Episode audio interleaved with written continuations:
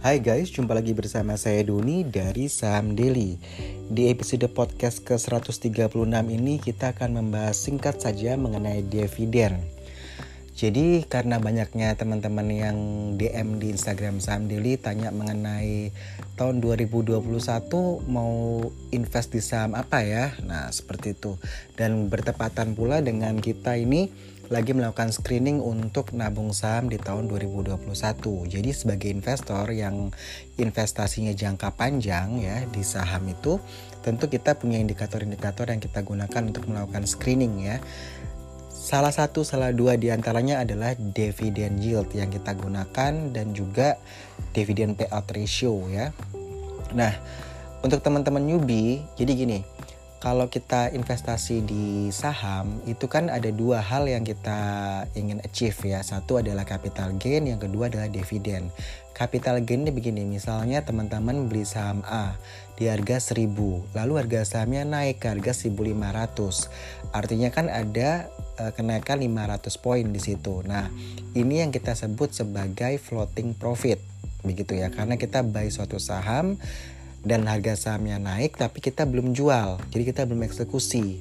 Kita masih hold. Itu namanya keuntungannya disebut sebagai floating profit karena belum realize ya unrealized profit kita bilang. Nah ketika kita melakukan penjualan kita eksekusi kita profit taking kita jual itu kita mendapatkan yang namanya profit atau cuan begitu ya yang benar-benar sudah direalisasikan. Itu yang namanya capital gain yang kita dapatkan. Lalu yang kedua sebagai investor ya yang kita incar adalah dividen. Dividen ini merupakan bagian dari laba yang diberikan kepada pemegang saham. Jadi setiap tahunnya itu kan ada namanya rapat umum pemegang saham ya, di mana mereka akan memutuskan begitu ya dari kinerja perusahaan misalkan eh, tahun 2020 ini perusahaan A itu dia mencapai laba misalkan 500 miliar. Lalu diputuskan di rapat umum pemegang saham bahwa uh, eh, 500 miliar itu sebagian akan dibagikan misalkan dibagikan 300 miliar kepada pemegang saham sedangkan 200 miliarnya sisanya itu akan masuk uh, sebagai uh, tambahan modal begitu ya supaya perusahaan tersebut bisa melakukan ekspansi atau pengembangan begitu ya jadi nggak semuanya dibagikan kepada pemegang saham. Nah, dividen yang dibagikan ke pemegang saham inilah yang diincar oleh investor. Jadi misalkan teman-teman saat ini usia 25 tahun uh, tertarik di uh, dunia saham ya, ingin investasi jangka panjang hingga usia pensiun misalkan. Jadi misalkan teman-teman usia 25 tahun rencana membeli saham A di hold hingga uh, usia 55 tahun nanti kalau pensiun bisa dijual gitu ya. Nah, selama teman-teman memegang saham tersebut misalkan mereka uh, teman-teman menggunakan metode dollar cost averaging atau kita nabung saham setiap bulan Anda terima gaji Anda sisihkan Anda beli saham A saham A lagi saham A lagi setiap bulannya hingga Anda usia 55 tahun nah per tahunnya itu Anda akan mendapatkan dividen ya kan selain capital gain dalam arti uh, selisih antara Anda harga beli dengan harga jual ketika Anda eksekusi nanti. Misalkan Anda mau jualnya di usia 55 tahun, ya. Sedangkan dividen ini kan yang setiap tahun. Makanya kita harus mencari perusahaan-perusahaan yang rajin yang rutin membagikan dividen tiap tahun karena nggak semua perusahaan yang terdaftar di Bursa Efek Indonesia itu uh, rajin membagikan dividen ya jadi kalau teman-teman lihat historicalnya masing-masing saham itu ada yang sama uh, ada yang sama sekali tidak membagikan dividen, ada yang membagikan dividen di tahun misalkan tahun 2000 uh, eh, tahun 2015 dia bagi dividen, 2016 dia bagi dividen, 2017 dia nggak bagi, 2018 dia tidak bagi, 2019 dia bagi dividen begitu.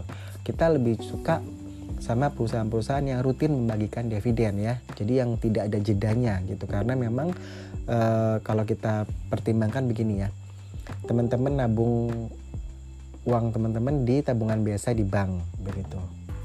Bunganya per tahun kan kecil kalau tabungan biasa. Lalu teman-teman oke okay, saya mau tabungan uh, saya mau deposito aja deh daripada nabung kecil gitu ya. Teman-teman uh, buka deposito di bank. Biasanya uh, bunga deposito 5% lah ya per tahun begitu. Lalu teman-teman lihat wah kurang menarik nih kok cuma 5% di deposito. Saya mau di obligasi lah gitu ya uh, dapat 6 sampai 7% atau saya mau di reksadana lah gitu ya mau reksadana pasar uang, reksadana campuran, reksadana pendapatan tetap dan sebagainya ya. Kalau masih dirasa kurang, nah yang paling tinggi dan yang paling berisiko adalah di saham memang. Jadi maka dari itu ketika teman-teman memutuskan untuk masuk ke, ke saham investasi jangka panjang di saham, carilah uh, emiten-emiten atau perusahaan-perusahaan yang rutin membagikan dividen. Dan kalau bisa ya dividen yieldnya itu di atas 5% ya. Ini karena kita lagi screening saham untuk nabung saham tahun 2021, jadi sekalian aja ya saya uh, kasih uh, kasarannya aja. Karena uh, kalau saya balas masing-masing uh, eh, DM ya itu ada sekitar 2150-an ya. Kalau saya scrolling ini tanyanya dividen sama uh, tahun 2021 bagi saham apa gitu ya. Yaudah uh, saya jawab aja sekalian di podcast ini. Saya kasih gambaran kasar contohnya saham DMAS Dimas ya. Dimas ini dividen yieldnya 16,67 persen Lalu saham ADMF itu dividen yieldnya 12,05 persen. PTBA dividen yieldnya itu 10,63 persen. Catatan, jadi eh, PTBA ini sempat tidak membagikan dividen di tahun 2018 ya. Lalu ada saham PALM, PALM ya, ini dividen yieldnya 10,19 persen. Disusul oleh ITMG, dividen yieldnya 8,37 persen. Lalu saham HMSP di 7,51 persen dividen yieldnya. Lalu SPTO di 7,55 persen. BJTM ya Bank Jatim ini dividen yieldnya 6,74 persen. Lalu ada saham NRCA di 6,79 persen. Dan mungkin masih ada banyak lagi saham-saham lainnya yang memberikan dividen yield yang di atas 5 persen ya. Ini karena saya uh, cepat saja, jadi saya kasih beberapa aja begitu ya. Ini saya bicara di tanggal 15 Desember 2020 ya. Lalu untuk GGRM itu dividen yieldnya di 6,19 persen. Tapi, nah ini juga catatan eh, GGRM ini tidak membagikan dividen di tahun 2020 ya, karena alasannya mereka eh, membangun bandara sehingga dananya yang kalau mereka nggak bangun bandara mereka bisa bagi dividen ke pemegang saham seperti itu ya. Sehingga saat itu saya ingat bahwa saham GGRM sempat terkoreksi. Untuk GGRM sendiri ini kan kita lihat bahwa saham-saham rokok ya nggak cuma GGRM tapi HMSP juga itu mengalami koreksi karena uh, kenaikan cukai ya. Jadi rata-rata 12,5 persen sehingga uh, awalnya kalau kita lihat ya saham GGRM ini cukup baik ya uh, reboundnya ya kalau ketika covid dia sempat saya ingat sempat 33 ribu. Sempat 32 ribu mepet lah ya. E, mepet ke 33 ribu. Kita masuk di 33 ribu lalu dia sempat rebound di 48 lalu drop lagi ke 43an 43 ribu lalu naik lagi ke 54 ribu ya waktu itu. Lalu kemarin dia koreksi lagi hingga mencapai 41 ribu. Hari ini di tanggal 15 Desember 2020 dia close di 42.000. Ke depannya bagaimana? Kita mesti melihat GGRM ini eh, perusahaan yang bagus ya dengan fundamental yang kuat begitu sehingga masih ada potensi dia bisa kembali ke 55.000 maupun ke 58.000. Jadi potensi upside-nya masih ada di situ untuk GGRM. Cuman tidak dalam waktu yang dekat ini ya. Karena sentimennya masih eh, sentimen negatif karena kenaikan cukai. Wah, saya jadi bahas rokok nih. Oke, okay. lalu ada Indikator kedua yang digunakan oleh investor yaitu dividen payout ratio ya. Di saham diri sendiri kita punya trading rules itu tidak memilih saham-saham untuk investasi jangka panjang yang dividen payout payout ratio-nya itu lebih dari 110%. Alasannya kenapa? Karena kalau semua dividen itu dibagikan, tidak ada sebagian dana yang bisa disimpan atau digunakan untuk ekspansi. Jadi kan suatu perusahaan itu membutuhkan dana untuk melakukan ekspansi supaya dia bisa growth ya. Kalau suatu uh, perusahaan dia hanya oh saya untung sekian nih semua dibagiin semua ke pemegang saham akhirnya perusahaan tidak bisa membangun pabrik baru tidak bisa memperluas pangsa pasarnya tidak bisa memperbanyak produksinya karena dia nggak punya mesin-mesin produksi yang lebih banyak lebih besar seperti itu atau atau yang lebih modern begitu ya sehingga di saham daily sendiri kita punya trading rules bahwa untuk investasi jangka panjang kita tidak memilih saham-saham yang DPR-nya, dividend payout ratio-nya itu lebih dari 110%. Saya ambil contoh sebentar, semoga saya nggak salah ya, saya cek dulu. Oke, benar nih. Saham SMAR ya, di tahun 2018 itu dividend payout ratio-nya itu 360,58%. WW banget ya. Nah setelah itu di tahun 2019 dia tidak membagikan dividen jadi kita nggak suka ya kalau misalkan di tahun tertentu dia bagi dividen payout ratio tinggi banget, tapi setelah itu dia nggak bagi dividen bahkan stop nggak bagi dividen seterusnya lagi. Dua tahun tiga tahun mendatang. Nah sebagai investor kita maunya yang rutin bagi dividen jadi setiap tahun kita mendapatkan hasil begitu. Kan kalau dapat dividen eh, dananya bisa kita belikan saham lagi kan tambah porsi begitu ya atau misalkan kita mau beli saham lain yang lagi uh, bagus-bagusnya begitu ya. Kita lihat wah ini prospeknya bagus bisnis modelnya. Nah kenapa enggak kita dari hasil dividen yang kita dapatkan tahun itu kita belikan saham yang lain juga. Bisa begitu kan? Tapi kalau kita nggak dapat dividen rutin ya rugi dong uang kita ngendap. Tapi kita nggak dapat apa-apa seperti itu. Itu logika simpelnya ya. Kita lihat saham-saham yang cukup kuat fundamentalnya yang uh, rutin membagikan dividen dengan dividen, payout ratio yang tinggi yaitu salah satunya HMSP ya. HMSP ini bagi dividen di tahun 2018 dividen payout ratio-nya itu 101,03 persen. Di tahun 2019 dividen payout ratio-nya itu 101,53 persen. Jadi sekelas HMSP pun perusahaan besar itu dia tidak pernah membagikan dividen lebih dari 110 persen. Jadi kita masih melihat uh, kalau teman-teman mau untuk koleksi MSP ya nggak masalah karena uh, dia masih menyisakan uh, ruang untuk pengembangan begitu ya. Lalu kita ambil contoh lain lagi UNVR ya, Unilever. UNVR ini Unilever ini dia dividen payout ratio-nya di tahun 2018 di 99,16% masih di bawah 110% ya lalu di tahun 2019 dia bagikan dividen 55,36%. Jadi ini juga masih tidak lebih dari 110%. Lalu ada saham apa lagi? Saya cek dulu database kita. Oke. Okay. Uh, saham ITMG ya, dividen payout ratio di tahun 2018 itu di 103,21 persen, di tahun 2019 di 80,08 persen. Jadi uh, masih di bawah 100% ya DPR-nya. Jadi ini adalah dua indikator yang memang biasa digunakan oleh investor-investor jangka panjang ya, yang memang uh, time frame-nya mereka uh, di atas satu tahun hingga lima tahun hingga 10 tahun bahkan bisa sampai puluhan tahun ya, yang memang mereka uh, punya mindset itu uh, hingga sampai pensiun misalkan atau bahkan setelah masa pensiun ya mereka tetap uh, investasi di saham tersebut begitu. Sehingga nanti kalau di hari tuanya tinggal kipas-kipas aja nikmati hari tua karena ketika masa mudanya mereka sudah melakukan investasi. Intinya satu ya sebagai investor ya pilihlah saham-saham yang rutin membagi dividen gitu.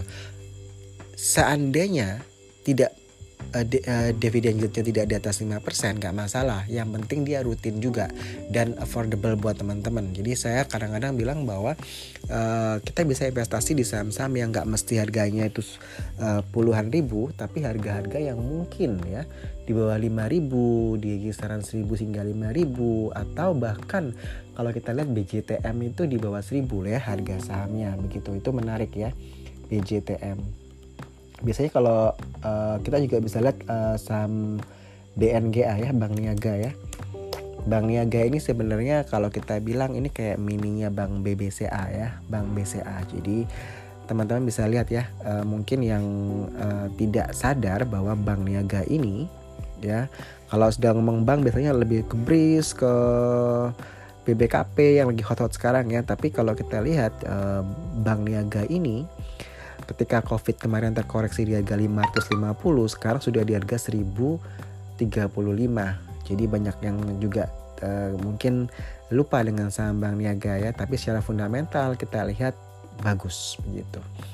Uh, kalau saham BRIS dan saham BPKP terutama untuk BRIS ya dinik dinikmati aja.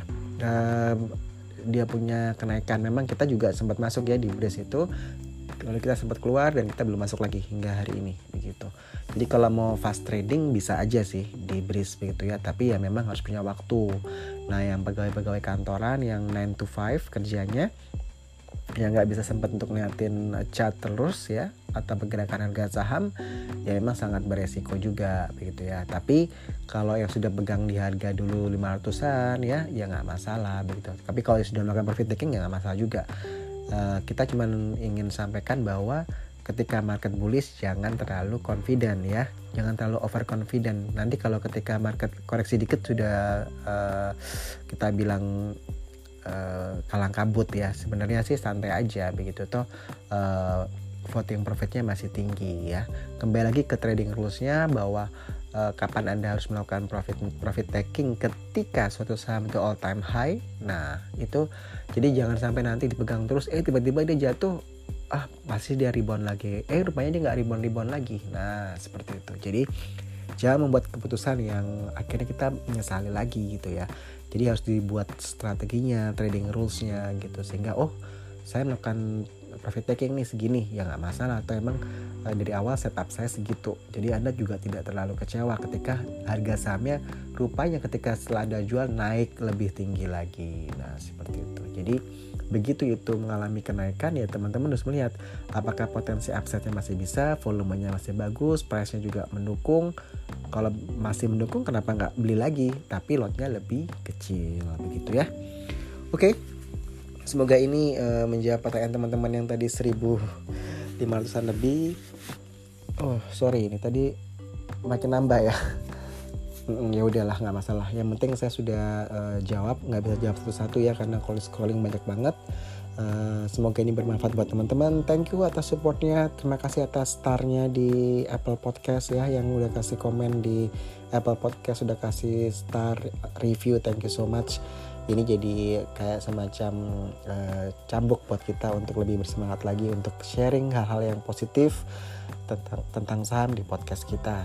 Nah untuk yang julid-julid, yang apa haters-haters ya uh, udah kita banyak yang kita blok karena memang kita pengen bahwa uh, komunitas di saham daily ini ya yang di Instagram itu itu positif. Bukan yang negatif ya kalau yang negatif negatif uh, lebih baik di disingkirin aja gitu. Karena kita niatnya dari awal adalah untuk hal-hal yang positif ya. Seperti kita bagi buku begitu ya. Rutin setiap Jumat kita selalu sharing buku.